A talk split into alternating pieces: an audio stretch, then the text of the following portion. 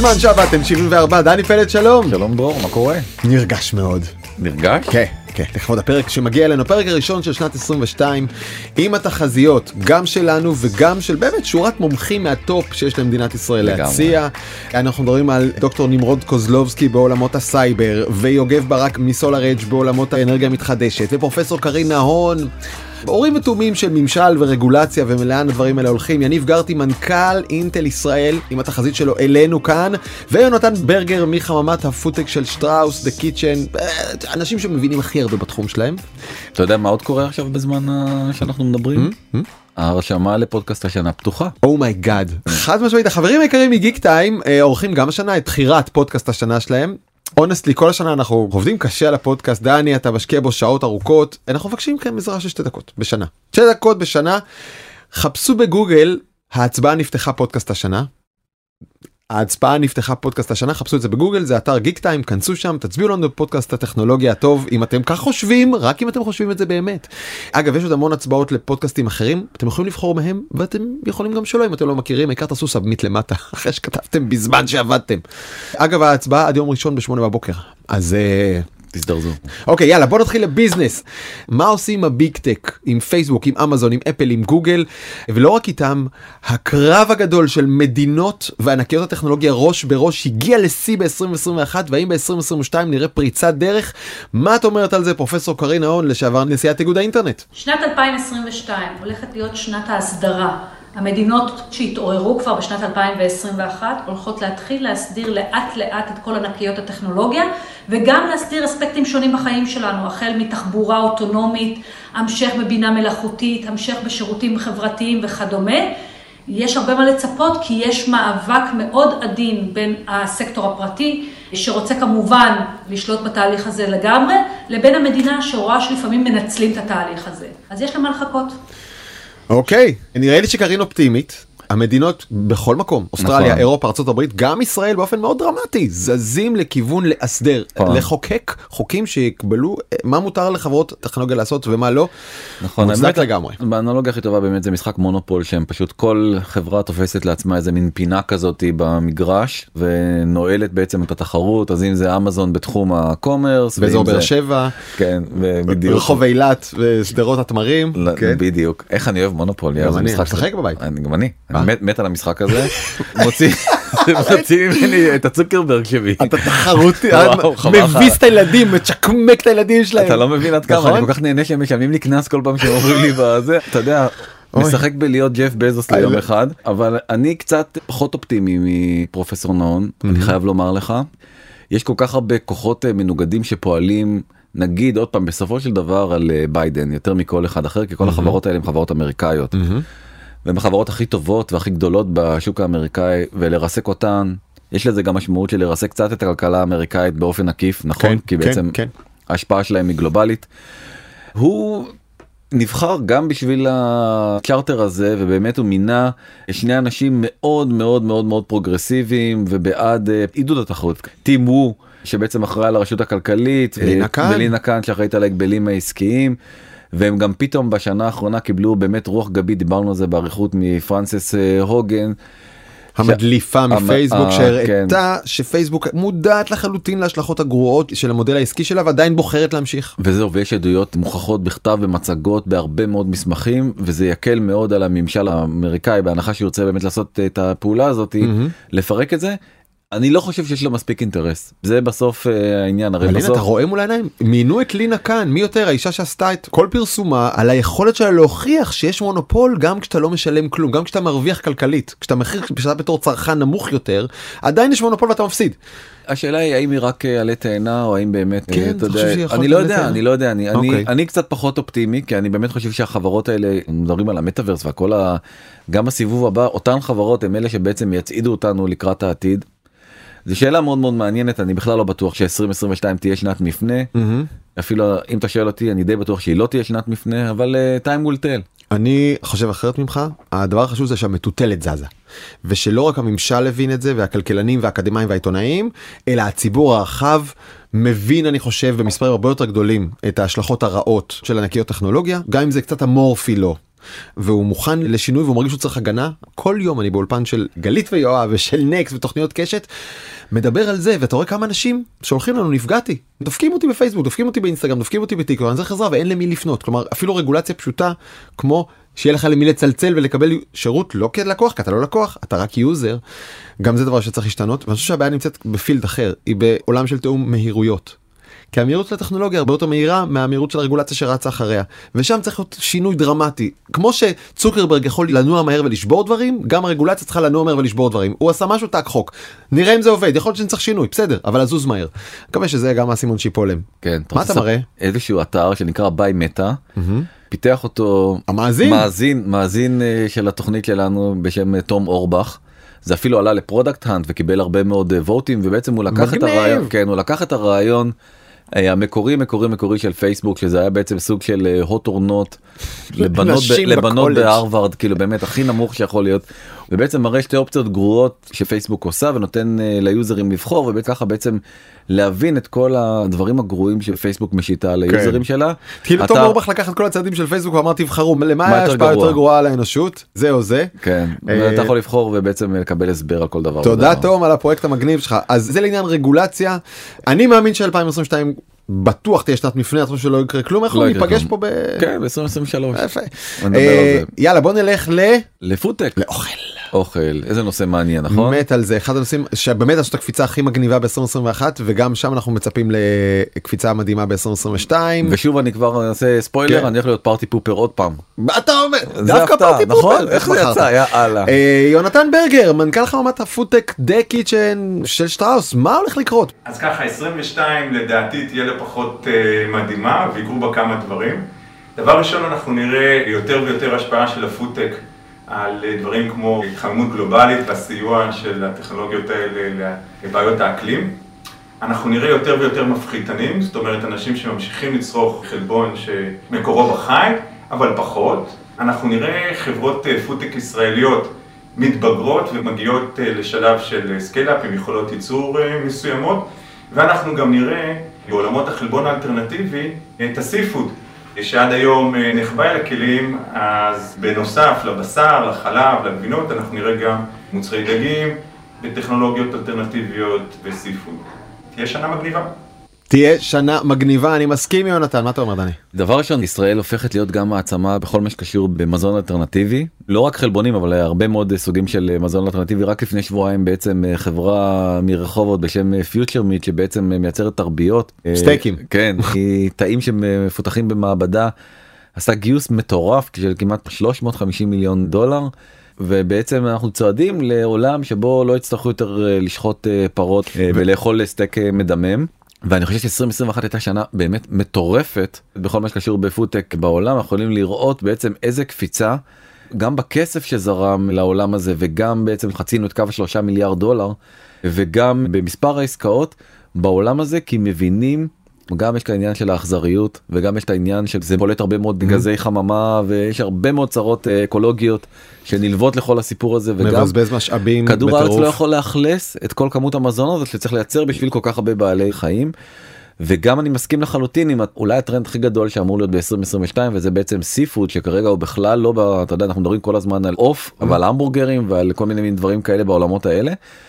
ובעצם כל האוכל אה, מהים הוא לגמרי לגמרי לא ב spotlight ו-2022 צפויה להיות השנה שזה ייכנס הרבה הרבה יותר ל spotlight ובעצם נראה כל מיני תחליפים לדעתי מהמם.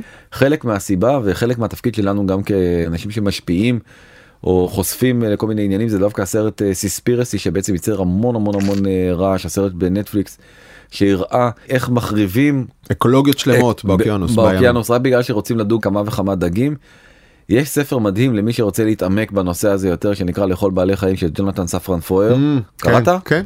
שגם כן מדבר על זה שהוא גילה בעצמו שבעצם לאכול צלחת אה, סושי קטנה מוציאים מהים צלחת בקוטר של מטר וחצי של אה, בעלי חיים בשביל שתאכל את הכמה יחידות אה, מקי האלה שמונחות לך על כן. הצלחת. כי נוסעת מכמורת. מכמורת. מוציאה מהים הכל אלמוגים צמחים חיות שכן אוכלים שלא אוכלים לא משנה מוציאה הכל ואז לוקחים מזה את הדג שאתה כן רוצה והיתר לפח.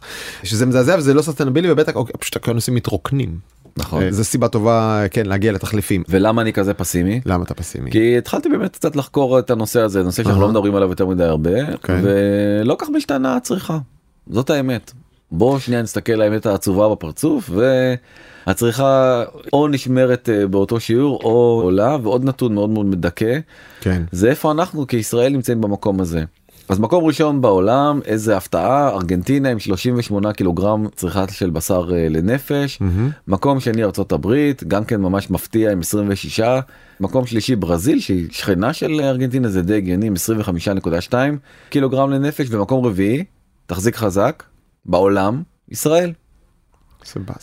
עם 18.1 צריכת אה, בקר לנפש. מהמם. והממוצע העולמי הוא מאוד מאוד נמוך אפילו הוא שליש ממה שהצריכה בישראל. כן, ש- אז כשאתה זורק פנימה את אה, הודו, הודו, סין כן. ואפריקה, אז אתה מקבל מן הסתם מספרים נמוכים דרמטית, למרות שסינים גם כן רוצים לאכול מלא בשר לאט לאט. נכון. אה, ואתה רוצה לשמוע את הנתון הבאמת מדכא? מהמם. אם אנחנו מקום רביעי בבקר איזה מקום אנחנו בעוף?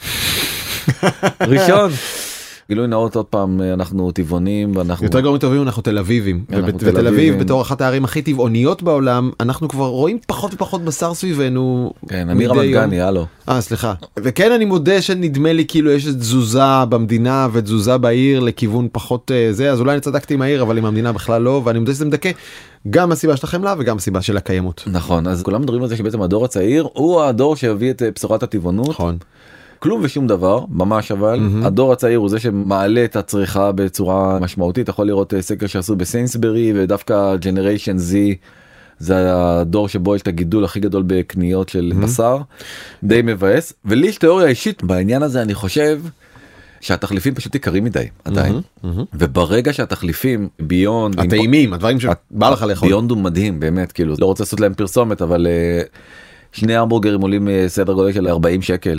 כן. שתי קציצות קפואות. לזוג לזוג קפוא הביתה לא תגיד כן. בעונה מוכנה. בדיוק אתה קונה במחיר הזה שתי שמיניות מבשר אה, רגיל אז אתה יודע בסוף הבחירה היא בעיקר כלכלית וגם וטעם. לא לדבר על זה שיותר טעים לאנשים עדיין לאכול את ההמבורגר בקר מאשר את ההמבורגר הזה. כן עד שהמשוואה הזאת לא תשתנה חד משמעית. וזה יהיה הרבה הרבה יותר זול זה לא יקרה עם זה שום דבר. כלומר, המחיר של התחליף צריך לרדת הטעם שלו צריך לעלות הם צריכים להיפגש באזור של הבשר גם בטעם גם במחיר ואולי אפילו להיות טובים יותר ואז אנשים יתחילו להזיז את הרגל אבל כל זה אגב רק מחזק את הנקודה ואת הצורך בתעשיית הפודטק שהיא צריכה עוד להשתכלל ועוד לעבוד קדימה. וכמה משמח לגלות שבאמת ישראל היא כזאת מעצמה בתחום הזה באמת זה ממש זה באמת מחמם את הלב. אחת המדינות המובילות בעולם אגב גם דגים כבר עושים פה תחליף דגים אולי נדבר על זה פעם אה, אוקיי עד כאן פודטק עוד אה, תחום שגם כן ישראל היא אה, באמת אה, מעצמת על זה תחום של אנרגיה מתחדשת יש חברה ישראלית מאוד מאוד מאוד מצליחה בשם סולארג' וסמנכ"ל השיווק שלה יוגב ברק נותן לך תחזית שלו. בתחום של אנרגיות מתחדשות, אנחנו צופים בשנת 2022 האצה של מגמות שהתחילו כבר ב-2021. מצד אחד, ממשלות מחויבות ליעדי איפוס פליטות פחמן וממשיכות להשקיע בפרויקטים של אנרגיות מתחדשות, גם שדות סולאריים גדולים וגם אנרגיות רוח. מצד שני, חברות וארגונים נמצאים בלחץ גובר להפחית את טביעת הרגל הפחמנית שלהם כחלק משיפור יעדי ה-sustainability, ומשקיעות באנרגיות סולריות על גגות מפעלים ומבנים. לבסוף, בבתים פרטיים יש מעבר לעצמאות אנרגטית על ידי הוספה של מערכת אגירה, לרוב בטריה, כתוספת למערכת הסולרית הביתית, מה שמאפשר לאגור את האנרגיה ולהשתמש בה בשעת הצורך ללא תלות ברשת החשמל. גם הוא נשמע אופטימי אה? מאוד בכל מה שהוא אומר זה באמת הטרנדים הכי גדולים שקורים עכשיו בעולם האנרגיה המתחדשת. אני גם לא בטוח כמה זה יקרה בשנה הקרובה. הבאתי איזה גרף מאוד מאוד מדכא שבעצם מראה איך הפליטה של גזי CO2 מעלים ומעלים ומעלים את הטמפרטורה של אה, כדור הארץ ואם באמת רוצים לעשות איזשהו turnaround לשנות את המגמה חייבים להפחית בצורה משמעותית הדבר הזה גורם לזה שהמון המון המון סטארט-אפים מנסים להקטין או לקלוט את הפליטה. לבנות תחנות של אנרגיות אה, מתחדשות להמציא כל מיני המצאות מהמצאות אה, שונות. וגם פה 2021 מבחינת אה, השקעות באנרגיות מתחדשות הייתה שנת שיא של כל הזמנים עוד אין את הסיכום של השנה אבל אתה יכול לראות שרק החציון של 2021 גדול כמעט כמו כל השנים שקדמו לו כן. שזה די מדהים אה, לראות את זה כמעט אה, 15 מיליארד דולר בחציון. השנה הזאת אני בטוח שנעבור את ה-25 מיליארד דולר בקלות. השקעה בטכנולוגיות השקעה בטכנולוגיות אקלים. כאלה. ובוא נראה לאן זה הולך גם פה זה בסוף החלטות של מדינות והסטארט-אפים רק יכולים לעזור בלקדם את הדבר הזה אבל את האג'נדות של איזה תחנת כוח יבנו זה לא החלטה שהאדם הפשוט לוקח אנחנו צורכים חשמל מהמדינה וזה החלטות ברמת ממשלה. אז בנט אמר שיהיו בישראל אפס גזי חממה ב-2050 וביידן גם כן 2050 נתן הצהרה. וסין שהיא אולי המזהמת הגדולה בתבל מתחייבת ל-2060 והודו שהמזהמת השנייה הגדולה בתבל מתחייבת ל-2070. אני גם שומע את זה כמו שומעים אחר כך בעניין האקלים שלכם דברו עם אה, מי שיהיה שם ב-2050 לא אבל 2070 ו2060 הראינו שבוע שעבר שב2050 כדור הארץ הולך להגיע לנקודת אה, אל חזור לפי הערכות של חלק מהמדענים חלק אומרים שזה הגזמה לא משנה אבל אנחנו רואים את זה איך כל הזמן האקלים נהיה יותר ויותר קיצוני. מה זה 2070 באמת זה מעבר להרי החושר זה ממש עובר לי בראש עם הילדה החדשה שלי. הילדה הזאת אמורה סטטיסטית להגיע ל-2100 בקלות, אוקיי? איזה כישורים אני צריך ללמד אותה? האם זה כישורי בואי תהיי מתכנתת בינה מלאכותית וזה זה שתמיד תהיה לך עבודה מה שלא יקרה, או כישורי ווטר וולד, איך לעשות מי שתייה מפיפי, כי את הולכת להיות על רפסודה בים שעלה, ואתה מבין? האם את בעולם של הישרדות פיזית, או איך לשרוד בשוק תעסוקה מתוחכם ואכזרי? מה אתה אומר? שבתור אבא, כן, אתה לא חושב על זה. הייתי פשוט שם את זה בצד, לא מקריא לה מהספר הזה של מה קורה ב-2050. עכשיו אוקיי. חוץ מזה אתה יודע זה גם משהו שאנחנו כל הזמן אה, מפמפמים אותו כל ההייפ המגעיל הזה של הביטקוין שאני סולד ממנו הוא בדיוק פועל בכיוון ההפוך כי בעצם הוא מייצר צריכה מוגברת של חשמל וצריכה מוגברת של חשמל המשמעות שלה זה פליטה של עוד גזי חממה. אנחנו מראים כרגע גרף שלפיו כל צריכת החשמל של הביטקוין בעולם בעשרה אחוז יותר גבוהה מכל צריכת החשמל של מדינת ישראל. כולל הכל. אוקיי זה היה ב2019 מאז אני מבטיח לך שהפער הזה עוד נפתח כי ישראל כן. הכלכלה יותר משוויץ יותר מיוון פי שתיים כאילו מאירלנד נוספה עוד מדינה. מדינה בזבזנית לא איזה מדינה קטנה לא גמביה אהבתי. תודה. ועכשיו בוא נדבר על דבר אחר שבעצם התייחסו אליו בתחזית הזאתי וזה העניין של הבתים ואיך אנחנו יכולים בעצם לאגור אנרגיה בצורה יותר מוצלחת כמובן שהחסיד הגדול של הסיפור הזה זה אילון מאסק אילון מאסק. בא עם המצאה פומפוזית לפני חמש שנים לא יהיו גגות יותר עם אה, רעפים רגילים כל הרעפים יהיו פאנלים סולאריים. סולאריים. איזה יופי הולך להיות תהיה לכם בטריה גדולה רק בטריה כזאת ענקית של טסלה וזה הולך להיות מדהים. הדבר הזה לא מתרומם ולא הולך שום מקום. ממש כאילו הוא בלע את זה לתוך אה, טסלה את החברה הזאת את סולאר סיטי עסקת בעלי עניין מפוקפקת ביותר. הוא אמר כן יש בעיות עם הפרויקט הזה ההכנסות הן לא כמו שצפינו העלויות הן אה, מאוד מאוד אה, יקרות זאת אומרת זה לא כזה כלכלי כמו שחשבתי שזה יהיה. ואתמול ביום שני הוא עולה למשפט של כל מיני בעלי מניות בסולר סיטי? שאומרים לו בוא יא נוכל יא רמאי לקחת לנו את הסולר סיטי מכרת את זה לעצמך וחיסלת אה, את זה. וחיסלת את זה ופגעת בחברה בוא תביא לנו עכשיו פיצויים על כל הדבר הזה דורשים 2.6 מיליארד דולר על העסקה הזאת. בקיצור רעיון יפה להחליף רעפים אדומים ברעפים סולאריים רעיון מקסים מקסים אני רוצה את זה היום נפל בביוב של לכלוכים של החלפות מניות ורווחים בבורסה. הכל אצלו זה כזה אתה מבין הוא לא יכול לעשות שום דבר כמו שצריך וגם אני רוצה להגיד לך אני כאילו חושב על הרעיון הזה צילמתי פה את תל אביב והסתכלתי על הגגות ואני לא רואה גג אחד עם רעפים. כן. ואז אני אומר רוב הערים נראות יותר כמו תל אביב מאשר איזה פרבר מהמם במיזורי אתה יודע זה לא הסטייל שלנו אבל כן יש לך ערים שגגות רעפים זה הסטייל שם ואם הסולר סיטי הזה היה משהו שאתה יכול כן להציב אותו בכל בית מבחינת עלות זה הכל בסוף כסף כמה עולה גג סולארי כמה כסף חשמל הוא חוסך כשהמשוואה נפגשת היא נפגשת כשלא לא. זה מסוג הרעיונות האלה שהם נורא נורא נורא יפים במצגת שאתה רואה אותם כאילו על בית כן. כזה שנראה כמו עולמו של טרומן שמישהו כן. הולך כזה במין אולפן קולנוע וכל הזה עם גגות יפים מסוטטים כנראה שבמציאות זה לא כל כך נפגש וכנראה שיצטרכו פתרונות אני הייתי מאוד מאוד מאוד שמח אם הייתי יכול לייצר עוד אפילו עם דוד שמש כזה מכוער שיהיה לי על הגג שהאקסטרות. כן לייצר עוד אקסטרות של כן. חשמל ו- קראתי השבוע שאילת מייצרת את כל החשמל שלה ואף יותר באזור השדות הסולאריים שפרוסים סביבה. עכשיו שני דברים שצריך לדעת אחד כל שדה סולארי כדי שבאמת הוא יהיה זה צריך להחליף את הפאנלים כי הטכנולוגיה משתכללת והפאנל של לפני 10 שנים הוא כבר לא יעיל כמו החדש. מצד שני אתה החלפת אתה זורק את הפאנל לפח אי אפשר למחזר את זה זיהמת טילים. שנית, אם אין לך בטריה מעולה, זה גם לא שווה, כי יום ש... בלי שמש, העיר לא תהיה בחושך, אתה חייב שם גם טכנולוגיות בטריות שעוד לא הגיעו לרמה הזאת. יש עוד הרבה סיבוך והרבה עלות, אבל זה עניין של כסף וטכנולוגיה, אני כן חושב שזה עוד כמה שנים אנחנו נהיה משוואה אחרת. האם ב-2022 גם אני, זה כן. trend line, כאילו זה הקו, לאט לאט. כן, אנחנו בדרך לשם, כן. וזה גם משמח שיש חברה ישראלית בחזית הטכנולוגיה. טוב יאללה. יאללה בוא ניקח עכשיו לאחד המשברים הכי מרתקים שהסעירו את העולם בשנה האחרונה משבר השבבים ובשביל זה יש לנו את none other than יניב גרטי מנכ"ל אינטל ישראל התחזית שלך יניב ל-2022 על משבר השבבים שמטלטל את העולם. שבבים הם, הם הלב הפועם בכל מוצר טכנולוגי. אתה נמצא אותם כמעט בכל מכשיר בחיינו. טלפונים וטלוויזיות, במזגנים, בתעשיית הרכב והתעופה. אפשר למצוא אותם בפייסבוק, בטיק טוק, באינסטגרם. כי בסוף שבבים הם הלב הפועם של הענן של השירותים הדיגיטליים. והצריכה המסיבית הזאת של שירותים דיגיטליים הביאה גם למחסור שהוא חסר תקדים, ואנחנו רואים חוסרים גדולים במוצרים עצמם, והשבתה של מפעלים, מפעלי רכב, מפעלים אחרים, שלא מצליחים לעמוד בביקוש האדיר שיש למוצרים. בעשור האחרון קרה דבר נוסף בעולם השבבים. לפני עשור היו מספר דו-ספרתי של חברות שידעו לייצר שבבים בטכנולוגיה המתקדמת ביותר. היום יש רק שלוש, TSMC הטיוואנית, סמסונג הקוריאנית ואנחנו אינטל. ואני אומר שייקח שנתיים עד שלוש, עד שהעולם יצליח לצאת מהמצב הזה של חוסר בשבבים, ולהתאים את הביקוש להיצע בכל הקשור למשבר הזה. וגם הקורונה לא מאחורינו, ואנחנו לא יודעים בדיוק מה יקרה איתה. מה שבטוח שב-2022 האנושות תמשיך לצעוד קדימה לעבר עולם שהוא ממוחשב יותר, מחובר יותר וחכם יותר מאי פעם. לנו באינטל יש גם תפקיד חשוב ביציאה מהמשבר, אנחנו משקיעים משאבים אדירים בהקמה של עוד מפעלים, ואנחנו גם ממשיכים לפתח את הדורות הבאים של מוצרים שיהיו חכמים יותר, טובים יותר, נגישים יותר, יעילים יותר. היום אנחנו כבר עובדים על המוצרים שכולנו נוכל להשתמש בהם ב-2023, 4 ו-5. תודה רבה ליניב ששלח לנו את התחזית שלו מניו יורק כיף להקשיב לו. נכון? ממש. הוא מסביר את העולם. אני לא מכיר אותו, אבל הוא נחשב לאחד המנהלים הכי טובים בהייטק הישראלי. אז אני אגיד שכשיצא לי לדבר איתו הוא איש נורא נעים.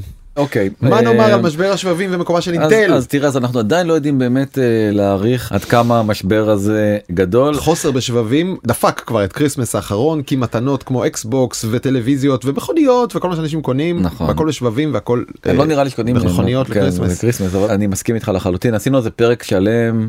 מנכ"ל אינטל בעצמו אמר שעד 2023 שום דבר לא הולך להשתנות והולך להיות מחסור גדול מאוד. גולדמן סאקס עשו ניתוח מאוד מאוד מאוד מקיף ומעניין למי שרוצה להתעמק בזה עם אה, טבלאות מפורטות. אנחנו חושבים כל הזמן רק על טלפונים ועל לפטופים כן. ועל אה, פלייסטיישנים כמו שאמרת אבל בעצם בכל דבר בסביבתנו בין אם זה מכונות גלידה מכונות ייצור של אה, מטבחים כל מכשיר יש בתוכו היום שבבים הדבר הזה הולך להשפיע על 169 תעשיות שונות מטורף. העובדה שאין מספיק שבבים. זה פשוט פסיכי והדבר הזה גם את זה אמרנו אז באותו פרק הולך להשפיע באופן ישיר על האינפלציה שלנו ובעצם לייצר עליית מחירים. הדרך הכי ציורית בעצם להסביר את עקומת הביקוש היצע הקלאסית מ... מבוא לכלכלה. אה, אה, אנחנו מראים עכשיו גרף של ביקוש והיצע פשוט אה, גרף של x ומה שאנחנו אומרים זה שברגע שההיצע יורד אז קורים שני דברים יש פחות מוצרים בשוק אז יש לכולם פחות אבל המחיר של כל אחד מהם עולה. יש עכשיו שני יצרני מכונות כביסה נגיד LG וסמסונג שעכשיו צריכות לייצר מכונות כביסה כי יש להם ביקוש מאוד מאוד גדול. הן באות למפעל ואומרות לו תשמע אנחנו חייבות את הצ'יפסטים האלה כי אנחנו לא נוכל אחרת למכור מכונת כביסה אז הוא אומר להם בסדר אבל אה, יש לי כמות מאוד מאוד מוגבלת. אז תראה אנחנו מוכנים לקחת את כל מה שיש לך לשלם לך אפילו פי שתיים רק כדי שאנחנו נוכל לייצר את המכונת כביסה שלנו.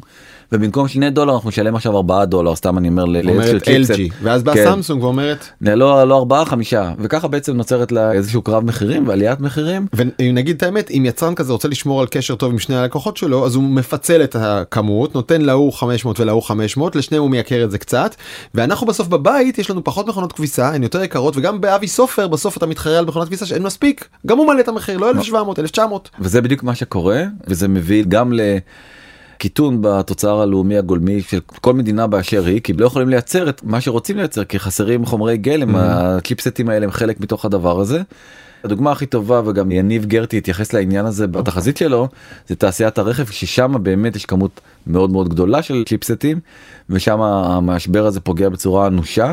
רק בפורד הייצור שלה נפגע במיליון רכבים בשנה האחרונה לא הבנתי מיליון רכבים לא יוצרו לא יוצרו. מיליון? סליחה מיליון לא יוצרו מסך תעשיית הרכב האמריקאית שפורד היא המשמעותית ביותר אה, זה אבל זה עדיין מספר עצום כן. פשוט ובלתי נתפס ומחירי המכוניות בארצות הברית הם במחיר הכי גבוה מאז 1970 גם חדשות וגם גם משומשות. חדשות וגם המשומשות בכלל הם אוף דה צ'ארטס לגמרי.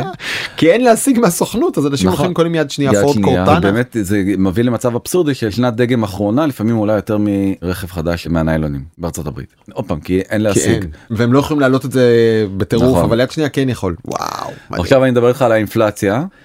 רק בחודש נובמבר האינפלציה בארצות הברית קפצה בכמעט 7 אחוזים 6.8 אחוזים זה מטורף. מטורף. בחודש. בחודש. וואו. אנחנו מגיעים למקום אה, לא טוב כל כך עם העניין הזה סין לעומת זאת. דווקא משחקת אותה הם הבינו בעצם שהם צריכים שהייצור והכל יהיה בסין העולם מבין שסין מאוד מאוד זולה לייצור העביר את כל הייצור לסין ייצר תלות גדולה מאוד בסין ומה קורה כשיש מלחמת סחר כולם אוכלים אותה.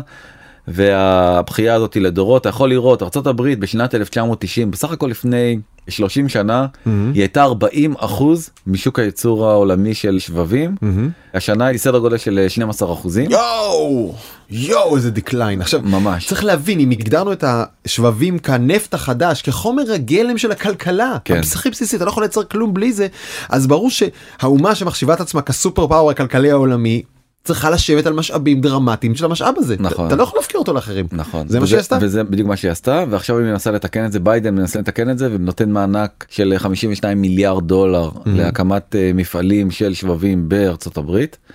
וזה חדשות טובות מאוד לאמריקאים חדשות טובות מאוד לאינטל כן. שהיא אחת מהדוחפות הגדולות לזה כי באמת כמו שהוא אמר מר גרטי שתי המתחרות העיקריות זה אחת היא טיוואנית והשנייה היא אה, קוריאנית.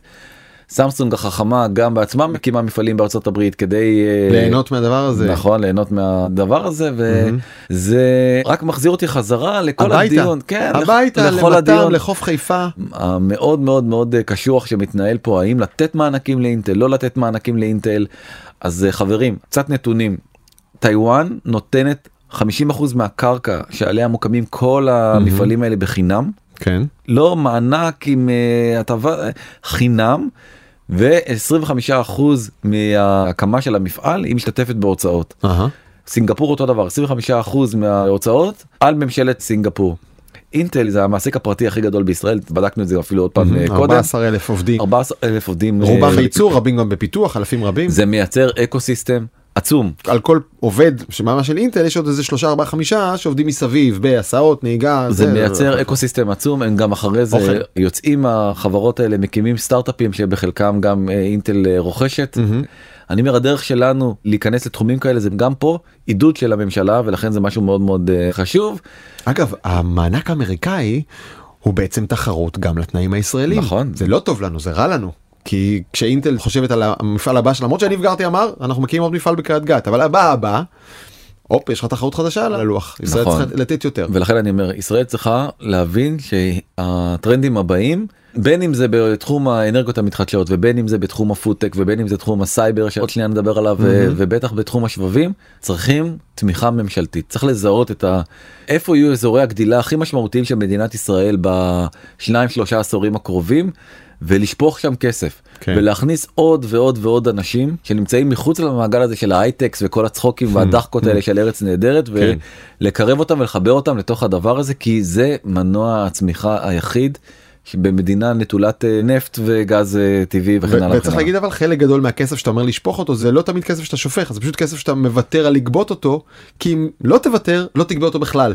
יפה מאוד. 50% מס מאפס זה אפס ובכלל don't argue with the weather. נכון. עוד דבר זה שכל הבנקים של ההשקעות JP מורגן ו-UBS אה, חושבים שתעשיית הצ'יפסטים הולכת להיות המרוויחה העיקרית מהמשבר. כאילו אנחנו אומרים אינטל משבר משבר אינטל בסוף הם מרוויחים מזה. נכון כי בעצם עוד פעם הם יכולים לעלות מחירים כמו שנתתי בדוגמה קודם של אה, LG וסמסונג. והמניות אה, עולות המניות כבר טסו מאוד היה תיקון גדול בחודשיים כן, האחרונים לא דיברנו על זה. נכון אפשר לדבר על זה בהזדמנות alright. יאללה פרק סייבר 2021 שנה מטורפת בפריצות ראינו את זה בהלל יפה באטרף זה בישראל הרגשנו את זה אבל בכל העולם מה הולך לקרות ב-22 דוקטור נמרוד קוזלובסקי מ-HFN ומסיטקטיק ניהול משברי סייבר מה אתה אומר? שנת 2021, שנת שיא של מתקפות הסייבר. עולם העבודה משתנה, אנחנו יכולים לעבוד הרבה יותר מרחוק, הרבה יותר דיגיטליים, תהליכים שקודם היו פיזיים בארגונים, להיות תהליכים מורכבים דיגיטליים, וגם התוקפים מנצלים את זה. הם מבינים שהארגון החדש לא מוגן, הוא לא יודע לארגן עצמו מספיק טוב בתשתיות ענן, הוא לא יודע לארגן עצמו מספיק טוב בתהליכי עבודה מרחוק, ותוקפים את הארגונים בדיוק בבטן הרכה שלהם. גל של מתקפות כופרה של פשע מאורגן, סחיטות סכומי עתק מארגונים, ואנחנו מבינים שלא נערכנו להתכונן עם הגנה לצורת העבודה החדשה שלנו. זה יוצר גל של השקעות בחברות טק שמגנות על הענן, מגנות על תהליכי עבודה מבוזרים, מגנות על גישה מרחוק, גל של השקעות עתק שראינו בסייבר. ודבר נוסף, אנחנו נראה הרבה פחות סובלנות לטכנולוגיות סייבר אשר משתמשות להתקפה. אם בעבר חברות פרטיות היו מעורבות גם בטכנולוגיות התקפה, אנחנו נראה יותר טולרנטיות של הרגולציה לחברות שכאלה. אוריי, תודה לנמרוד. בקיצור, כל עבודה, מילה, כל כל מילה, מילה. עבודה מרחוק שווה יותר תקיפות, שווה יותר הגנה, שווה יותר כסף, נכון. ואין לנו כוח יותר ל-NSO. לא מקבלים את זה, NSOים למיניהם. דיברנו על זה גם כן באריכות אה, מאוד אפילו כן. והסברנו את העניין הזה לעומק אבל יש אני- הרבה צביעות. מלא והרבה- צביעות אחד- מלא מלא. מלא מלא צביעות. לא אצל נמרוד חלילה. או. האווירה הזאת של תרגל אבל לא אצלי בבית. כן אחרי שהמדינה דוחפת את המוצר הזה למדינות אחרות כדי להשיג הסכמי שלום אבל כן. דיברנו על זה באריכות ולא ניכנס לזה עוד פעם אבל בואו נדבר קצת על הנתונים. חד משמעית יש עלייה מטורפת בכמות הארגונים שמותקפים בכל מיני כופרות. הסיבה היא שפשוט ההאקרים הם ב-200 רמות מעל הארגונים ומעל המנהלי IT בארגונים האלה.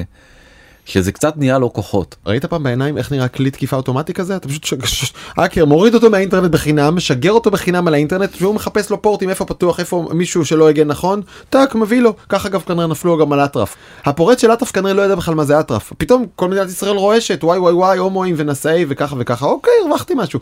מחריד כמה שזה קל לתקוף וכמה קשה להתגונן. יפה ותסתכל על הגרף הזה שבעצם מראה את אה, שנת 2021 איזה ארגונים הכי מותקפים surprise, ממשלתיים. ממשלתיים ולמה ארגונים ממשלתיים הכי מותקפים באמת למה אני חושב? כן. משום שהשכר שמשולם לאנשים שמופקדים על הגנתם הוא הנמוך יותר בשוק. זה אחת הסיבות למה זה קורה אבל התוצאה היא באמת האתרים הכי מחוררים שהכי קל לחדור זה קצת אבסורד כי בסוף שם הנתונים הכי מה למה אתה צוחק כן, תספר את הסיפור שסיפרת לי מרן ברזיק.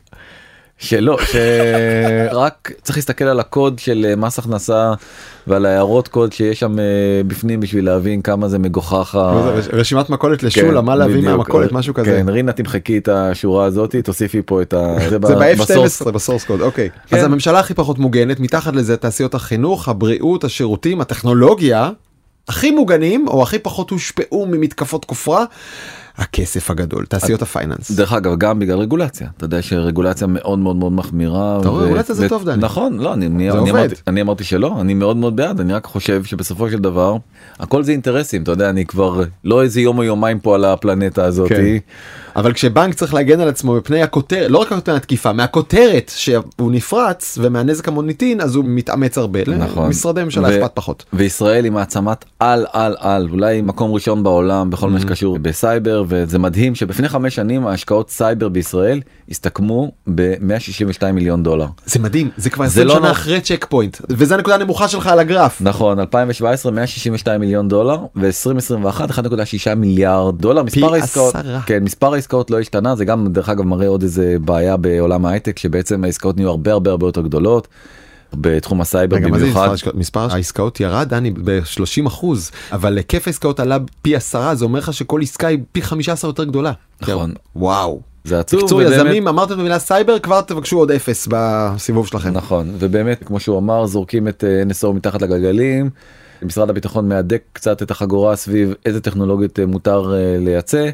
חבר מאוד טוב שלי שהיה המון המון המון שנים גם ב-8200 וגם הוא נחשב לאחד מהאנשי הון סיכון הבכירים פה בישראל אני אוקיי. חושב שכל הטכנולוגיות ההתקפיות צריכות להיות צבאיות ולא צריכות להימכר בכלל בשום קונסטלציה רק תחת מדינת ישראל.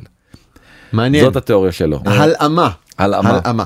עד כאן פרק התחזיות שלנו תודה רבה לכל המשתתפים שלחו לנו את תחזיותיהם מקצווי הגלובוס מקצה עד קצה ומחילה עם אלה שלא הספקנו ורצינו גם לכלול. אם גם אתם נהנתם אתם מוזמנים להצביע לנו בתחרות של אה, פודקאסט השנה של Geektime. נזכיר כל מה שצריך לעשות זה ללכת לגוגל ופשוט לחפש ההצבעה נפתחה פודקאסט השנה ותסמנו את בזמן שעבדתם אם אתם הכי אוהבים אותו. ותסמנו עוד אחרים אם בא לכם אבל אם לא זה גם בסדר העיקר תעשו submit כן. וצ'ארלס בוקובסקי ברסקי הגדיר מאוד יפה איך אפרופו אתה נותן הצבעות. לי להתלכלך עם ה... בבקשה לבקש מאנשים אתה בספרות אתה בגבוה. נכון, זה אני אינטלקטואל. בדיוק זה אני. ההבדל בין דמוקרטיה לדיקטטורה הוא שבדמוקרטיה אתה קודם מצביע ואז מקבל פקודות, בדיקטטורה אתה לא צריך לבזבז זמן על ההצבעה.